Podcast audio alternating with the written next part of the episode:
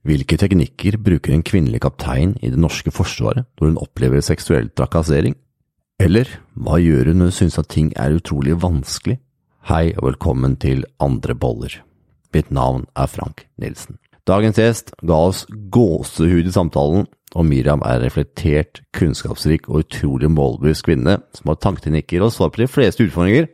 Jeg må ærlig innrømme at jeg har spilt inn utrolig mange podkaster etter hvert, med fokus på mentale teknikker, og jeg kan ikke huske jeg er borti en person som har hatt så mye svar på rams, altså. Så Miriam Weierud syns jeg var helt utrolig kul å prate med. Hun, eh, ja, som sagt, gåsehud. Og vi snakker om det med i Forsvaret etter videregående, utfordrende variert. Men det som kanskje er det viktigste å ta ut fra det, syns fall jeg personlig, det var alle tingene hun sa til seg selv eller tenkte på om ting var vanskelig og utfordrende. Og Vi snakker også om med gleden av å være uredd. Enten så går det bra, eller så går det over. og det utsagnet her kommer jeg aldri til å glemme. I starten av episoden så snakker vi litt om ekspedisjon Amundsen, og ganske fort inn i episoden så kommer vi inn på dette med tanketeknikker og sånn, altså. Så hvis vi kanskje ikke ekspedisjon Amundsen er det du som lytter syns er mest spennende, så kommer vi veldig fort inn på det som det handler om i dagens eh, episode. Så vi sier bare tusen takk for at du hører på, og ha en god lytt. Så da ønsker jeg Miriam Veierud velkommen. Velkommen, Miriam. Tusen takk for det. Jeg leste jo om deg i en uh, artikkel her om at du hadde fått en heltemedalje for, et, uh, for å hjelpe til en konkurrent. Og så tok jeg kontakt med deg, og så har du tid til å prate med meg. Kan ikke du fortelle litt om eh, hvilket eh, arrangement du var med på, og hva gjorde du? Jeg har vært med på noe som heter for eh, Ekspedisjon Amundsen. Og det er et pulkløp som går over Hardangervidda. Ja. Jeg vil nok si at det kanskje er for de litt med spesielle interesser. Ja. For her skal du trekke med deg alt du trenger i en pulk, og den skal veie 40 kg både når du starter og når du kommer i mål. Okay. Så da har du ansvar for deg selv eh, i 100 km. Og eh, må koke vann og smelte snø, og, sånn at du får i deg næring og, og orientere selv også. For oss som har sett på, på tur med Dagotto, så tok vel han også den ekspedisjonen nå i, på den sesongen som var her, tror jeg. Og, gjorde han ikke det? Jo, han uh, var med på fjorårets utgave ja. av Ekspedisjon Amundsen. Ja. Det var litt andre forhold eh, i fjor da, enn det det var i år. Det er litt for lytterne som ikke så på Dagotto, så så det ut som en ganske hard tur, men det var kaldt og det så beinhardt ut. Og de, de gråt alle sammen, så å si, når de kom til mål. Så hva var, eh, hva var forskjellen i år kontra i fjor når Dagotto gikk over? Ja, I fjor så var det jo ganske kaldt, men allikevel så var det veldig lett føre. Så for, eh, for de som har litt erfaring med vinterfjellet, syns jo at eh, fjorårets utgave var, var kjempefin. Eh, mens i år så møtte det en vegg av både snø og tåkeås på start. Og for å forklare starten, så kan du se for deg at du står med snø til knærne, og så skal du gå opp en slalåmbakke på ski med da en pulk på 45 kilo hengende bak deg. Så det var uh, ufattelig slitsomt. Er du litt sånn småsprø, eller? Jeg får, får tilbakemelding på det, ja. Hva var det som gjorde at du valgte å være med på det her, da? Det var egentlig i 2013 så hørte jeg om eh, Ekspedisjon Amundsen og syntes at det virka utrolig kult. Og så satte det seg litt sånn bak i hjernebarken og egentlig irriterte meg i flere år. Og så var det en fyr som sa i 2016 at eh, hvis en eh, sjøoffiser klarer å gå ekspedisjon Amundsen, da klarer en herreoffiser det også. Så fem minutter seinere så hadde jeg sendt inn søknaden for å gå mitt eh, første ekspedisjon Amundsen. Hva var det som trigga deg med de utsagnene der? Nei, det er jo konkurranseinstinktet som slår inn, og, ja. og, litt sånn at man føler seg utfordret. Og så tenker jeg at eh, man vet jo ikke om man klarer det før man har prøvd. Nei. Men Har du gjort det sånn noe før, eller? Nei, ikke noe lignende, men jeg har jo eh, mye erfaring fra Forsvaret, hvor jeg har en veldig god lederutdanning og, og vinterutdanning. Så jeg følte sånn sett at jeg var ganske, ganske forberedt på de grunnleggende vinterferdighetene. Ja. Og så angrep jeg det egentlig ved å gjøre da en, en kapasitetsanalyse av meg selv, mm. og så en, en kravanalyse av hva jeg så for meg for Ekspedisjon Amundsen. Og så satte jeg de opp mot hverandre og begynte med alle de enkleste tingene, som er å bli kjent med utstyret og, og skaffe seg alt det utstyret man trenger. Mm. Så du gikk metodisk til verks, da, skjønner du? Ja, det er litt sånn jeg liker å jobbe. Ja. Så jeg er veldig glad for I år var det jo tredje gangen jeg gikk eh, Ekspedisjon Amundsen, og jeg er ganske glad for den erfaringen jeg har hatt de to foregående året og fra Forsvaret. Og jeg tror kanskje Eller det er helt klart det som var årsaken at når, eh, når jeg i år møtte denne eh, kvinnen som besvimte på fjellet, så er det alt, alt det jeg på en måte hadde i ryggsekken fra før av, da, som gjorde at eh, For meg så Jeg opplevde ikke den situasjonen så veldig eh, ille eller skremmende, fordi det sitter på en måte veldig i ryggraden hva man, Mm. hva man skal gjøre i den situasjonen. Mm. Når, eh, hvilken alder gikk du inn i Forsvaret? Hvor gammel var du da? Jeg gikk rett etter videregående, så Ja knakk jeg rett på befalsskolen. Kult, da. Hva var eh, grunnen til at du gjorde det, da? Det er det egentlig ingen som vet, men allerede når jeg begynte på ungdomsskolen, så hadde jeg egentlig bestemt meg for at jeg skulle inn i Forsvaret. Ok. Jeg var så heldig å få lov til å være med arbeidsuke i Garden da jeg var 14. okay. Så jeg skøyt med AG3 og var i CS-gasskammer for første gang som 14-åring. Wow. Så jeg, jeg bestemte ganske tidlig for hva min karrierevei skulle være. Hva var det som var så fascinerende med det, da? Jeg tror eh, det at det var utfordrende og veldig varierende, er det som på en måte er tiltrekkende. Ja. At man har på en måte muligheten til å være mye ute, men Mm. at man eh, også har eh, At det er rolige dager og, og sånn, hvor man gjør helt andre ting. Vi kunne lese nettopp angående med diskriminering og den type ting i Forsvaret. Hva er dine tanker om det? Forsvaret er jo et veldig mannsdominert eh, miljø, og det har fått lov til å være det i, i mange år.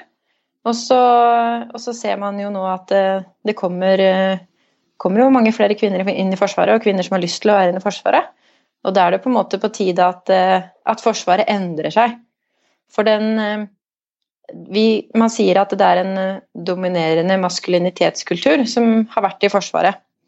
Og mange tror at den er diskriminerende bare for kvinner, men det gjelder jo ikke. For det er jo veldig mange forskjellige menn også. Det er jo ikke alle menn som, som syns at, at det å være høy og mørk og tøff er like ålreit. Så vi ser jo også det at, eh, at mange menn sier at man eh, trives mye bedre i Forsvaret når vi, når vi får eh, mulighet til å At det er plass til flere personligheter, da. Så bra. Tror du det kommer til å begynne endringer? Jeg ser jo en veldig klar endring bare på de elleve årene jeg har vært i Forsvaret. Ja. Ja. helt klart. Så jeg har troa, selv om man har jo ikke noe sånn tryllepulver hvor man kan på en måte fikse ting med en gang. Mm. Men eh, jeg har veldig troa på at Forsvaret får det til om man, eh, om man prøver. Jeg kommer til å gå tilbake til ekspedisjon Amundsen etterpå, Miriam, men eh, Ja. nå hørte jeg et annet tråd jeg hadde lyst til å gå litt inn på, hvis det er greit for deg. Ja. ja. Hvilken livsstil er det som er det som trigger deg og inspirerer deg og gjør at du syns at Forsvaret er tingen, for de som syns det høres ut som en veldig fremmed greie å gjøre? Jeg har veldig forståelse for at det virker fremmed, men, men eh, for meg så handler det litt om at Forsvaret har gitt meg så mange utfordringer. Så jeg opplever det litt sånn som hvis man står ved foten av et fjell, da.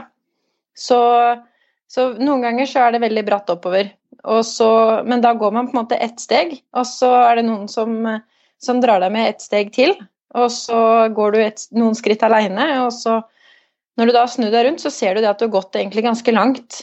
Eh, Men, men hvert eneste steg for seg selv eh, virker ikke så veldig, veldig langt. Og det er på en måte alle de utfordringene eh, som man møter, da. Og at man Plutselig så gjør man noe At man lærer et kurs, eller man lærer førstehjelp. Så lærer man å utvikle seg selv, og man får på en måte disse forskjellige utfordringene, da. Som gjør at i hvert fall jeg trives veldig godt, og jeg føler også at jeg har vært med på på å utvikle meg veldig, både som person og som, som leder. Det høres ut som du får mye mestring underveis. da. Ja, det er det helt klart. Og mestringen kan være sånn som, sånn som det med å fysiske gjennom Ekspedisjon Amundsen. Men det kan også være det å, å holde et foredrag for, for 200 personer. Var du en person som i utgangspunktet hadde veldig mye selvtillit og var uh, the goal getter? Det var nok mye armer og bein, vil jeg heller si. Det var mye Veldig uredd er nok et ord som eh, beskriver meg som barn, men også det å ha veldig mye energi. Ja. Eh, opp i trærne og, og, og, ut og leike var nok mm. det jeg drev mest med. Eh, gi nabogutten juling en gang iblant. Så du passet litt til det òg, da? Ja. Men det er liksom Det er veldig mange dimensjoner innenfor Forsvaret og mm. sånn som på personligheten. Mm. Fortell. Eh, nei, jeg, jeg, hater jo egentlig å fryse. Okay. Og likevel så er jeg her enn og driver med å gå på fjellet og, og sånne ting. Ja. Men, men, det er mm, Det trigger veldig den, eh, den eh, rusen, kan man nesten si, som man får når man har klart en utfordring Eh, når man kommer i mål på Ekspedisjon Amundsen og du har vondt i hele kroppen og står der i, i mørket og gråter litt for deg selv over stavene. Den, den, gleden og jeg vil si rus da, som man opplever etterpå, den er jo ja. helt fantastisk. Hvor gammel har du blitt nå, Mia? Nå er jeg 30. Er 30. Legger du noe merke til uh sosiale medier er det jo veldig mye krav. Mange føler seg at de må ikke være på utsida av det. Og de ønsker gjerne å leve opp til idealet som uh, sosiale medier Hva skal jeg si Vi tenker at det gir. Hvordan opplever du den verden der kontra forsvarsverden som eh, du er i? Den sosiale medieverdenen er ganske på en måte fjern for meg. Mm. Eh, den med, med mote og, og skjønnhet og, og, det å, å hige etter likes. Eh, men det er kanskje mest fordi jeg ikke omgås i det miljøet. I, i Forsvaret så prøver vi på en måte å prøver å se litt mellom, mellom det ytre, da, og, og, tenke på at det, man har en kompetanse og en personlighet og, som man kan bidra med inn i fellesskapet. Så jeg merker ikke, merker ikke det presset. Jeg, jeg har kanskje mer opplevd um, fra et sosialt press fra andre, hvor andre har en mening om, om hvordan man skal være. Og det kjenner jeg at um, jeg har jobbet med de siste årene, og egentlig tenker på hva er det jeg vil, og hva er det jeg har lyst til. Uh, som, som, jeg kjenner at det kommer jo også med alderen, men, men, da kjenner man at man står litt mer stødig og trives mer med seg selv. Da. Så bra.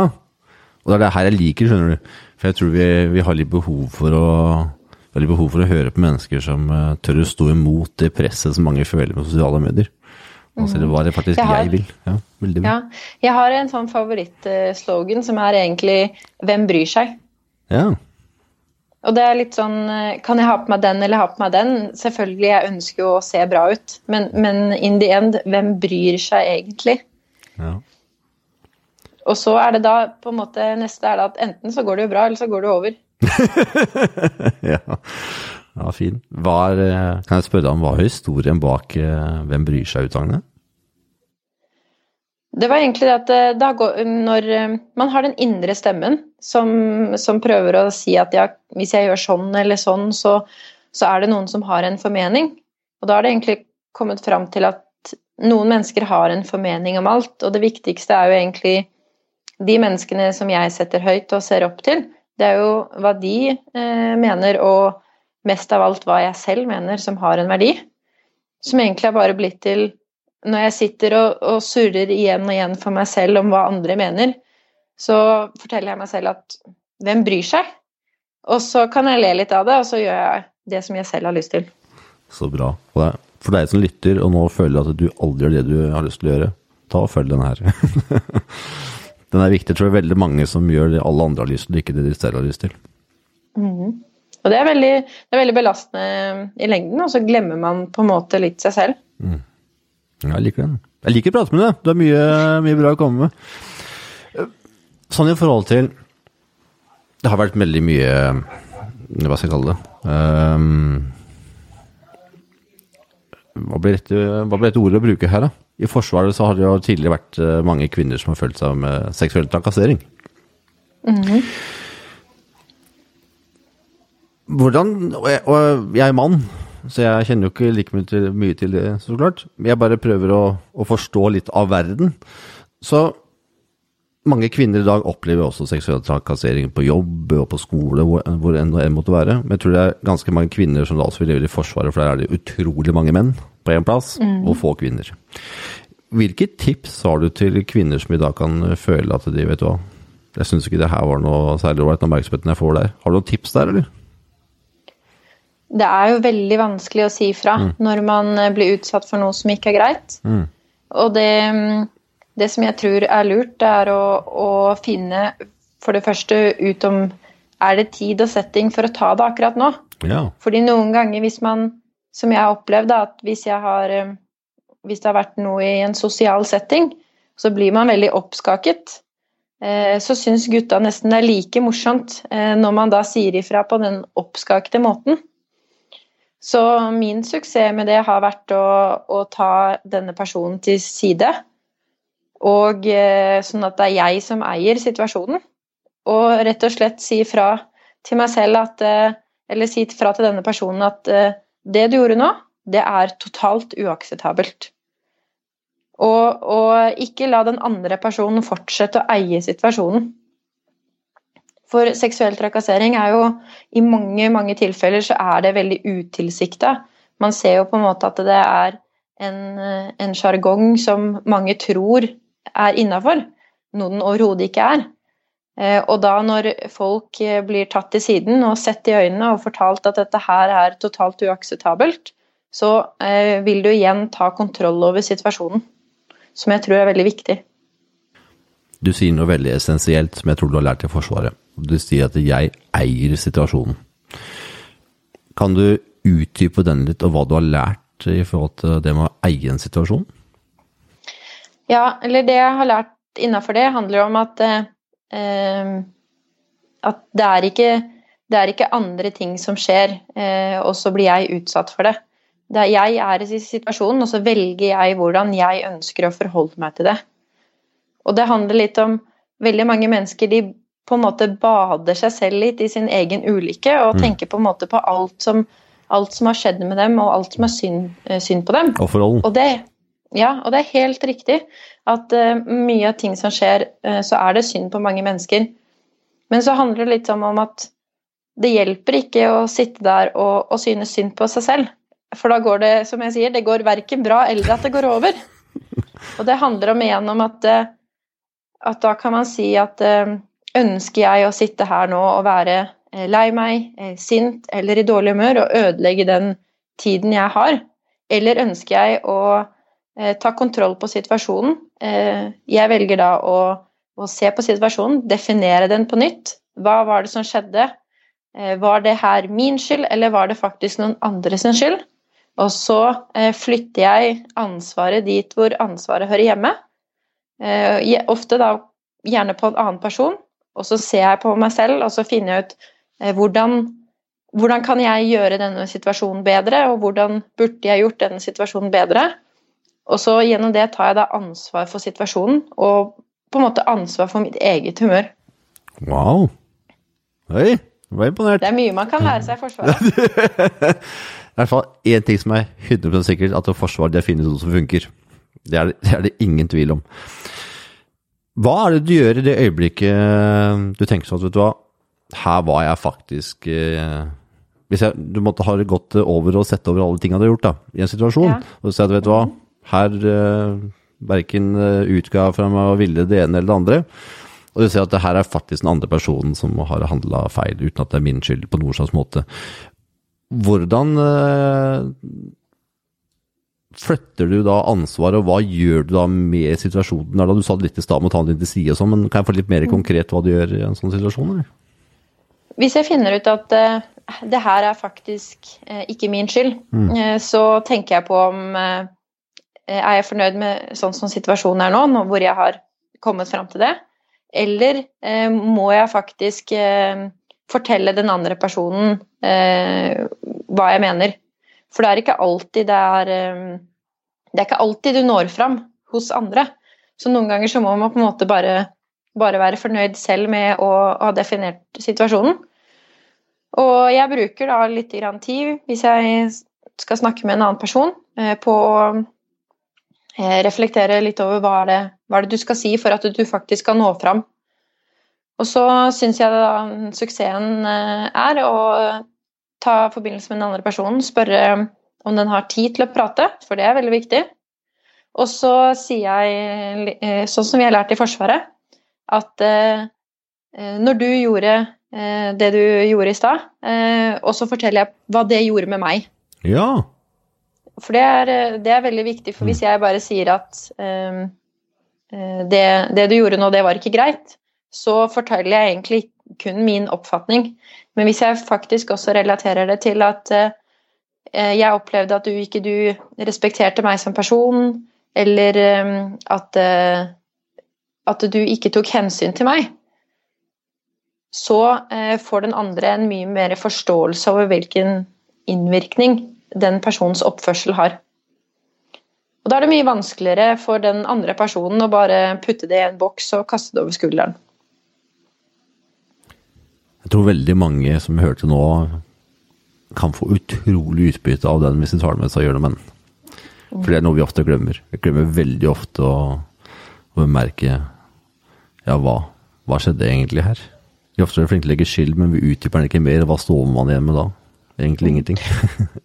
og noen mennesker, er jo, noen mennesker er veldig flinke og klarer å ta dette på rappen og si ifra med en gang.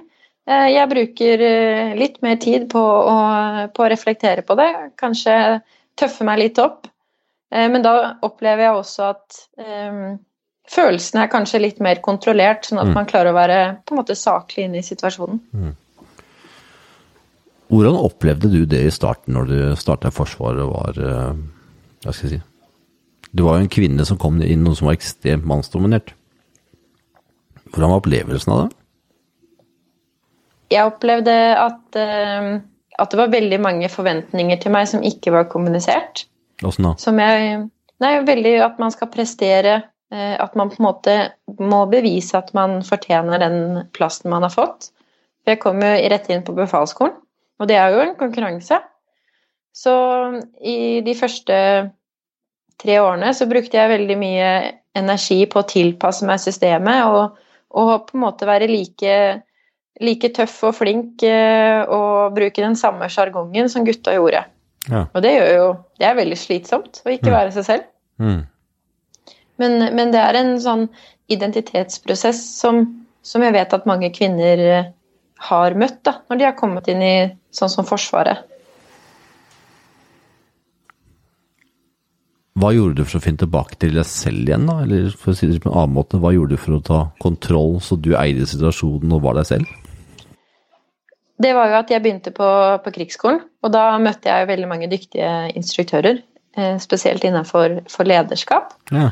Og så hadde vi jo da et, et veiledningsseminar hvor mm. vi fikk veilederkurs. Ja. Hvor, eh, hvor, man på en måte også lærte om det å, å utvikle seg selv og, og, det å eie situasjonen. Mm. Følte at du, du, kom tilbake til å Jeg vet ikke hvordan jeg skal ordlegge på en annen måte, men en bedre måte. Men det må være seg selv igjen, og ikke leve opp til hva alle andre forventer. faktisk at Miram er Miram. Lærte du det på ja. det kurset? eller? Ja, eller, men lærte det gjennom eh, Vi har jo tette eh, samtaler med våre egne veiledere på Krigsskolen. Mm. Ja. Og gjennom det så Man får jo tilbakemeldinger og sånne ting, og gjennom det så, så var jo det en prosess å, å, finne seg selv, samtidig som man skal jo utvikle seg som leder og, og, finne også sin egen lederstil. Så det var på en måte en helt klart en prosess på å komme tilbake igjen til, til seg selv.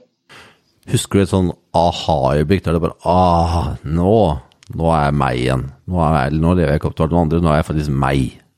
Husker du et sånt aha-øyeblikk der det har skjedd, eller? Nei, eh, det var vel egentlig Det var vel egentlig når jeg gikk ut av, av krigsskolen, så, så merka jeg på en måte bare at, eh, at jeg var fornøyd. Da. At eh, jeg kunne slå meg litt på brystet og være fornøyd med egen prestasjon. Mm. Og det var jo en, en ny opplevelse, fordi at ofte så har man alltid bare konkurrert og tenkt at man må bli bedre. Men eh, å bare se på seg selv og tenke at ja, nå, nå, er jeg faktisk fornøyd, nå har jeg fullført krigsskolen, det er det ikke så mange som har. Kult. Så på en måte den følelsen der. Kult. Stoppa det med den følelsen der, eller fant du ut at nå har jeg lyst til å pushe denne lenger? Nei, den stopper jo helt klart ikke der. Jeg, det er jo um, fem år siden jeg var ferdig på krigsskolen. Og, og jeg har jo spesielt da gjennom jobb eh, fått utrolig mange utfordringer. Og jeg merker jo kanskje aller mest de tre siste årene at, eh, at jeg som person har, har utviklet meg og, og, funnet meg selv enda mer. da. På det hvor Det er jo de tre siste årene at dette hvem bryr seg, eh, og enten går det bra eller så går det over, har på en måte blitt en del av, eh, av livet. da. Ja, Hva er årsaken til det? da? Nei, jeg tror det handler om det å, å bli voksen. Og så Og jeg er jo nå kaptein i Hæren, så man får jo flere arbeidsoppgaver og, og mer ansvar som, som, gjør at man utvikler seg. Har du vært på utenlandstjeneste, eller? Ja, jeg har vært så heldig å fått en uh, deployering til Afghanistan. Kan du snakke litt om det, eller? Ja. ja. Jeg snakket jo med, med tidligere ambassadør og FN-utsending, eh, Kai Eide, i Mentaltrenerpodkasten tidligere. Og han levde jo i Afghanistan en periode med 16 livvakter. Og syntes det var eh, Ja, han brukte, han brukte litt tid til å komme tilbake til det virkelige, tror jeg. Hvordan opplevde du å være i Afghanistan, eh, og spesielt som kvinne, da? Nå mener jeg ikke noe jeg... At, jeg, at, jeg, at, jeg ut, at, jeg, måtte utdype det med kvinne, men jeg tenker at det ja. er veldig mannsdominert der òg. Ja. og så er Afghanistan. Jeg tenkte veldig lite på uh, Jeg tenker generelt egentlig veldig lite på ja. at jeg er kvinne. Men, uh, men, for meg og Det var uh, Jeg hadde en veldig trygghetsfølelse av å, å være i Afghanistan. Mm. Det føltes egentlig ut som at man var på øvelse, men at man var bare et annet sted. Okay. Og du har eh, masse dyktige mennesker rundt deg som ønsker å levere og gjøre en god jobb. Og eh, man, det er mange sikkerhetstiltak og, og, et helt system, da. Så jeg følte meg veldig trygg. Ja, du aldri noen episoder som du tenkte at uff, da har du lyst til å komme meg hjem igjen? Nei, det er fordi da blir det Hvis man har noen episoder, så blir det sånn at uh, ryggmargsrefleksen setter inn. Uh, I Forsvaret er vi veldig opptatt av noe som heter drill som ja. gjør at man skal repetere eh, hendelsene eller handlingene flere ganger, sånn at de sitter i ryggmargen. Mm. Og det er jo eh, noe som er veldig behagelig, at når man da blir litt stresset, så slår denne ryggmargrefleksen inn, og man gjør på en måte de rette tingene. Og klarer å kanalisere og fjerne det som, som stresser deg.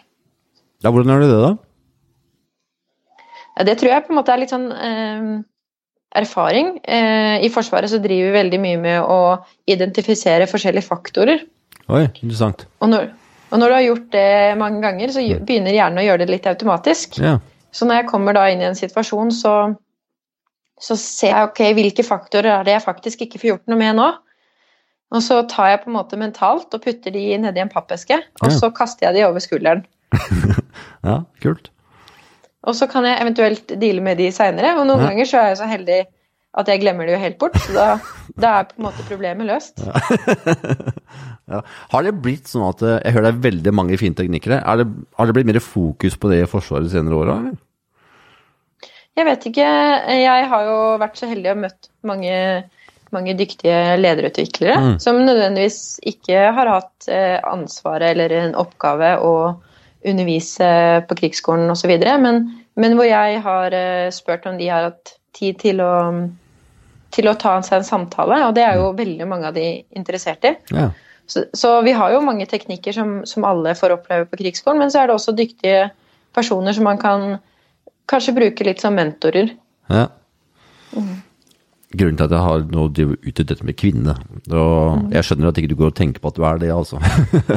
Men grunnen til at jeg måtte ønske å belyse det litt, det er at mm-hmm. jeg, jeg, jeg tror det er så mange som, som kan føle på at de når det kommer i et mannsdominert yrke, den der brannmann eller politi eller forsvar eller noe det måtte være, så, så har man alltid den derre ja, menn er menn, på en måte. Og kvinner er kvinner. Og det er litt den oppfatningen av det, så jeg tror i hvert fall for meg som er mann, kan ha litt mm. utfordringer med å forstå. For vi tenker mm. veldig forskjellig. ja. Og så lenge vi tenker så forskjellig, så tenker jeg at istedenfor at det skal liksom bli den ene eller den andre båsen, eller den ene eller den andre mot hverandre, så kan vi heller prøve å finne ut av å forstå hverandre bedre. Mm. Og det er derfor Derfor jeg får det Det litt er jo mer det som er nøkkelen til det meste, da, å prate Ja. sammen. Det er det. Og da tenker jeg hva, hva har du kommunisert som har gjort at du, du kommuniserer bedre med både de du spiller på lag med, men også som du på en måte er leder over, som gjør at det ikke kommer noen konflikt mellom eh, kvinner og mann? Jeg tror, eh, tror det viktigste jeg har lært, det er at eh, hvis, man er, eh, hvis man er usikker, så må man sette seg ned og prate sammen. Ja. Da, da, får man, da får man på en måte løst det meste, istedenfor for at man på en måte sitter på hver sin tue og tror eller aner noen ting om hverandre. Mm. Så, så er det på en måte å prate sammen og prøve å forstå hverandre. Du er en person som virker ganske uredd på mange ting. Du sa det i stad, da, at du var sånn du var yngre, så jeg antar du er liksom fortsatt. Hva har det du har gjort som gjør at du er såpass uredd? For mange er jo sånn som eh, de syns det er skummelt å gå på utsida av komfortsonen sin, de syns det er skummelt å komme ut fra der de bor, altså de syns det er skummelt å komme ut av de vanlige rammene, da. Hvilket tankesett er det du har som gjør at du klarer å være såpass uredd og følge det du faktisk har lyst til, framfor hva du er redd for? Mine foreldre har nok alltid utfordret meg og gitt meg muligheter. Ja. Og, eh, og så har jeg, ser jeg veldig mye eh, gleden og, og alt det man kan oppnå da, ved å være uredd. Jeg har jo selvfølgelig min indre stemme som forteller meg negative tanker og sånn innimellom. Og da er det igjen tilbake igjen til på en måte de mantraene. da. Enten så går det bra, eller så går det over. Og hvem er det egentlig som bryr seg? Eh, og så prøve å finne ut eh, alt man kan oppnå da, ved å utfordre seg selv litt. Mm. Som gjør at eh, Ja, men da prøver vi, da. Kanskje det går bra, eller så går det over. Jeg syns den var helt fantastisk. Jeg har den faktisk hengende på veggen ja, du har det. sånn som smerte er bare en illusjon. Det er som eh, De er veldig fine, men de virker òg, da. Når man er i situasjonen, så er det jo utrolig fine mantraer. For, for noen så fungerer det veldig med sånne slogans og mantraer, mens andre, andre de bruker andre ting. Og da tenker jeg på en måte Whatever floats your boat. Det viktigste er på en måte at man prøver. Mm. Jeg tolker deg som ganske metodisk eh, sånn i måten å være på og tenke på sånn. Det er nok sikkert litt med forsvarsbakgrunnen din også. Jeg antar at dere er ganske metodiske. For de eh, som lytter og som ikke er så metodisk, hvilke tips har du til de som eh, har litt problemer med det der med ja, tankene tar overhånd, da. At tankene bare flyter rundt. og Det, det er ikke så metodisk oppi der. Vi går ikke så veldig metodisk til verks. Vi bare følger hva følelsen sier, og så, så følger vi etter den. Har du noen når tips der, eller? Når følelsene tar litt overhånd, så er det jo å, å prøve bare å sette seg ned, og så tenke hva er det jeg får gjort noe med, og hva er det jeg ikke får gjort noe med. Og så er det å ta For noen, eh, hvis man kommer i en veldig stresset situasjon, så mister man gjerne litt kontroll på pusten også. Så hvis man da setter seg ned, får kontroll på pusten, og så tenker på hva er det jeg får gjort noe med, og hva er det jeg ikke får gjort noe med, og så eh, Da tror jeg man klarer å roe seg selv ned. Og så tenke at nå skal jeg prøve én gang å utfordre meg selv. Og så når man bare har startet med det, så tror jeg de fleste vil ha en positiv erfaring med det. Mm. Ja, uten tvil. Er det her et spørsmål og refleksjoner du gjør ofte, eller? Det var kanskje oftere før. Ja. Eh, nå For du har svarene mer- veldig fort. Hæ? Du har svarene veldig fort. Ja, men, eh, men jeg er jo vant til å på en måte bli utfordret da, og, Ja. og, og få muligheter. Og, og i Forsvaret så har vi ofte korte frister. Ja, Så det er, det er på en måte noe som ligger litt framme i, i pannebrasken. ok. For du blir veldig kjapp på det her, og det er ikke veldig ofte at noen er så kjappe sånn at de ikke snakker mer om det hver eneste dag og kan det på rams. så er ikke det, så er ikke det så vanlig. Da, da er det helt sikkert derfor. Det er jo bra, da. Det var- en positiv greie. Jeg hadde litt tilbake til Ekspedisjon Amundsen, for nå har jeg jo surra Ja. meg inn i et helt annet tråd som jeg syns er utrolig spennende. Det var derfor jeg Ja. med, med mentalteknikk i utgangspunktet for, eh, i 2016. Og når jeg først begynner på den tråden, da blir Ja. jeg så engasjert at da går det, går det ja. Ja, det skjønner jeg. Da går det dit. Hvis jeg drar tilbake til ekspedisjonen Amundsen, så Du var en person som ikke liker kulde. Hvordan var Jeg det? liker ikke å fryse. Liker ikke å fryse? Nei. Hva gjorde du da for å kose gjennom nettene? Det var tre-fire netter eller noe sånt, var det ikke? Nei, Ekspedisjon Amundsen er egentlig et eh, løp hvor du går fra A til B fortest mulig. Oh, ja. Og så skal man eh, hvile åtte timer, som er da obligatorisk i løpet av løpet. Å ja. Og, og de åtte timene med hvile de kan du ta ut eh, på tre forskjellige checkpoints, okay. hvor man da får godkjent eh, denne hvilen. Mm. Så da er det jo For meg, da, som eh, liker å analysere litt, så tenker jeg rett før jeg kommer til dette checkpointet, hva er det som er arbeidsoppgavene mine nå? Så går jeg gjennom de i hodet. Sånn at når jeg kommer fram til checkpoint, så er det om å gjøre å være raskest mulig med å få i seg mat og sette opp teltet. Ja. Og så er det av med alle klærne og Ja. på med alt eh, rent ullundertøy. Ja. Og legge seg i soveposen, sette på vekkerklokka, og så sovner man med en gang. Jeg gjør det, eller? Ja, man er så sliten. Det er ikke noe, ligger ikke noe der og reflekterer så veldig mye. Det er en utrolig interessant egenskap. Jeg ser i hvert fall de jeg snakker med som er fra FSK og spesialsoldater, i hvert fall. De har eh, en evne til å bare Har de muligheten til å sove, så sover de. Er det en egenskap du har lært deg, eller? Nei, jeg tror det er genene mine. Ja, Min far er veldig glad i å sove, han også. ja, ok. Så du har ikke lært deg det på den måten at det var Jeg enkelt har å sove ikke lært meg å sove, men, men man har jo lært at en god soldat uh, hviler når man kan. Ja. For det vel det jeg var litt nysgjerrig på da. Hvordan er det man på en måte skrur av den tankeprosessen som gjør at man detter liksom overens og sover med en gang? Man har jo forskjellige mange teknikker, da, Mm. eh, hvis man skulle slite med å sovne. Ta del nå. Eh, da har man eh, eh, muligheten til å, å sp- spenne musklene i kroppen. Begynner gjerne med helt fra tærne. Ja. Og spenner i og slapper av. Ja. Helt til man kommer opp til, til nakken og hodet. Og hvis man da har spent alle mus musklene, og så slappet de av etter hvert, Mm. Så, så har noen av disse spenningene i kroppen uh, sluppet. Mm. Og så må man i hvert fall ikke legge seg ned og begynne å reflektere over alt du skal gjøre i morgen, eller hva du skal ha til middag, men egentlig bare la tankene virre helt om, eh, om løse drømmer. Og da har jeg aldri problemer med å sove. Så det er en form for mindfulness, da. Ja, egentlig. Men man trenger ikke det på Amundsen når man har gått, eh, når man har gått 80 km i eh, sidevind eller motvind med snødrev og tåke og man har egentlig vondt i alle musklene i kroppen. Da sovner du ganske fort. Den tror jeg på, Miriam. Jeg snakker siden med Astrid Furholt, har du hørt om henne? Ja, henne kjenner jeg til. Hun gikk jo over Sydpolen i, i fotsporene til Amundsen. eh, og det var ikke noe lett tur for henne. Jeg vet ikke hvor mye du kjenner til henne og hennes historie, men hun er i utgangspunktet en kreftsykepleier som eh, hørte av en pasient at har du en drøm, så må du gjøre den drømmen. Og hun brukte vel tre eller fire år på å forberede turen. Hun er jo, hun er jo veldig dyr. Og jo, rett før hun skulle dra, så måtte hun da bytte partner. For at eh, hun kunne ikke gå alene over. Og den partneren som ble byttet, ble byttet ut med, han eh, gjorde ikke helt sånn som det som var planlagt. Så det var ikke noe veldig koselig tur å gå over der. De snakket ikke så veldig mye sammen, ut fra min forståelse om det. Og når hun først kommer tilbake igjen da, så må hun nå bruke tre år av sitt liv på å betale tilbake sine sponsorer i form av foredrag og den type ting.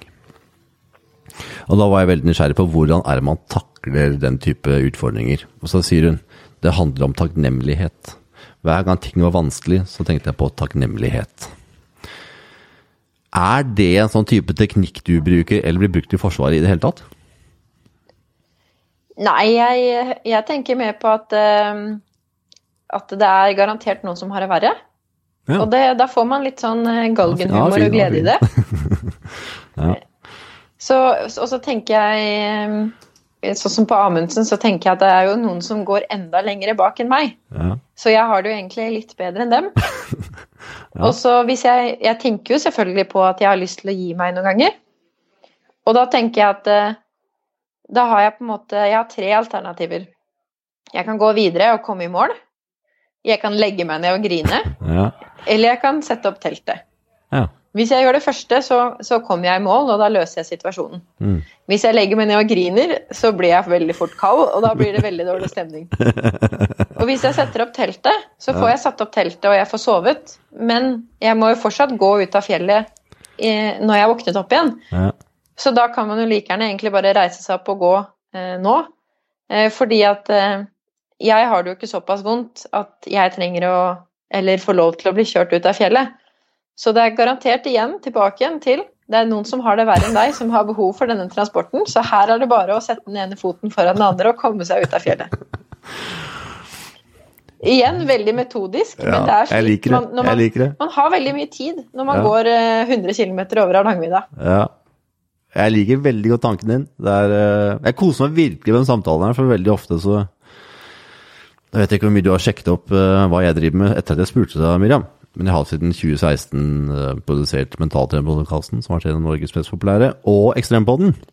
Jeg snakker med alt mulig av verdensmestere, Mount Everest-klatrere, K2-klatrere, hva enn det måtte være, som har eh, interessert meg, eller eh, en eh, som jeg husker navnet, men som forliste på en båt ute på Stillehavet og lå ute der i mange, mange måneder.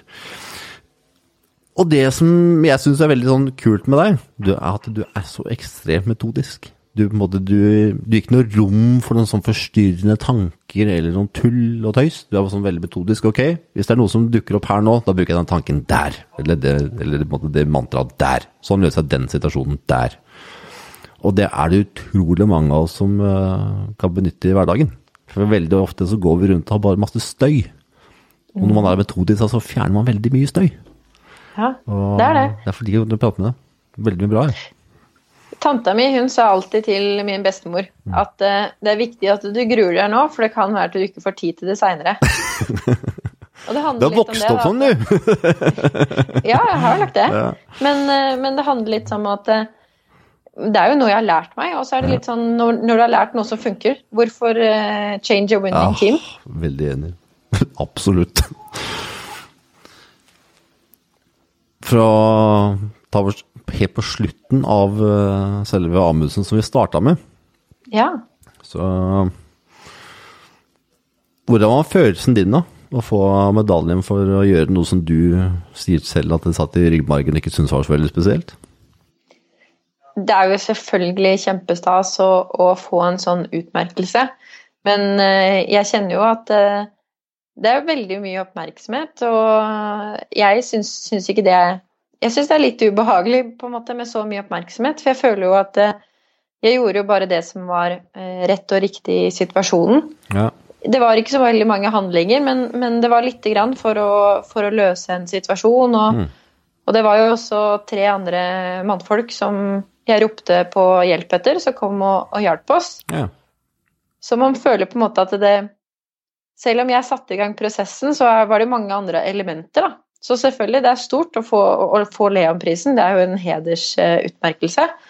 Men allikevel så, så tenker jeg jo at det er jo noe alle burde gjort i den situasjonen. Jeg er iallfall veldig glad for at du fikk veldig mye oppmerksomhet, Miriam, for da fikk jeg mulighet til å prate med deg. For ellers hadde du aldri kommet på min radar. Og så mye bra som du har kommet med den samtalen her, det er utrolig lenge siden sist gang. Så jeg er veldig glad for at du fikk prisen, jeg. Og at du fikk Ja, litt oppmerksomhet. Det er jo veldig stas. Det er det. Og velfortjent. Og jeg skal garantere da, at de som har hørt på denne episoden nå, hvis ikke de klarer å ta i bruk noen av alle de tingene du har kommet med, Miriam, da vet du hva da Da vet jeg ikke hva jeg skal si. Her er det noe for alle og enhver. Takk for det. Jeg må takke deg så utrolig mye for at du tok tid til å prate med meg. Det var uh, utrolig Jeg skal ikke bruke ordet spennende, men det var utrolig uh, innholdsrikt. Fordi du har kommet med utrolig mye metodiske tanker som eh, Jeg tror aldri jeg har prata med noen som har klart å samle så mange fine ting på en eh, halvtime. Det, det å snakke med mange. Vi har jo vært innom i mange temaer, da. Ja, vi har, det! Så du skal ikke være veldig overrasket hvis jeg spør deg om å prate med deg igjen. Det gjør jeg gjerne. For det, det her var bra. Jeg likte det skikkelig. Det var godfølelse. Skikkelig godfølelse på en fredag. så ha en fin helg, Miriam. Og så Jeg reiser på øvelse, så jeg skal kose meg. kos deg på, kos deg på øvelse. Har du, før du løper, har du et bilde jeg kan bruke? Ja, eh, hvordan vil du ha? Militært Ja, med pulk, jeg har det. eller med Jeg har militært bilde, men jeg har Ja. også pulkbilde. Det kommer litt an på. Kan du sende meg begge deler? Det ser ja, jeg bruker. gjøre. Og så må du kose deg på øvelse, og så sende deg link når den kommer ut. Tusen takk. Ha en fin dag, da. I like måte. Ha det bra. Ha det bra. ja.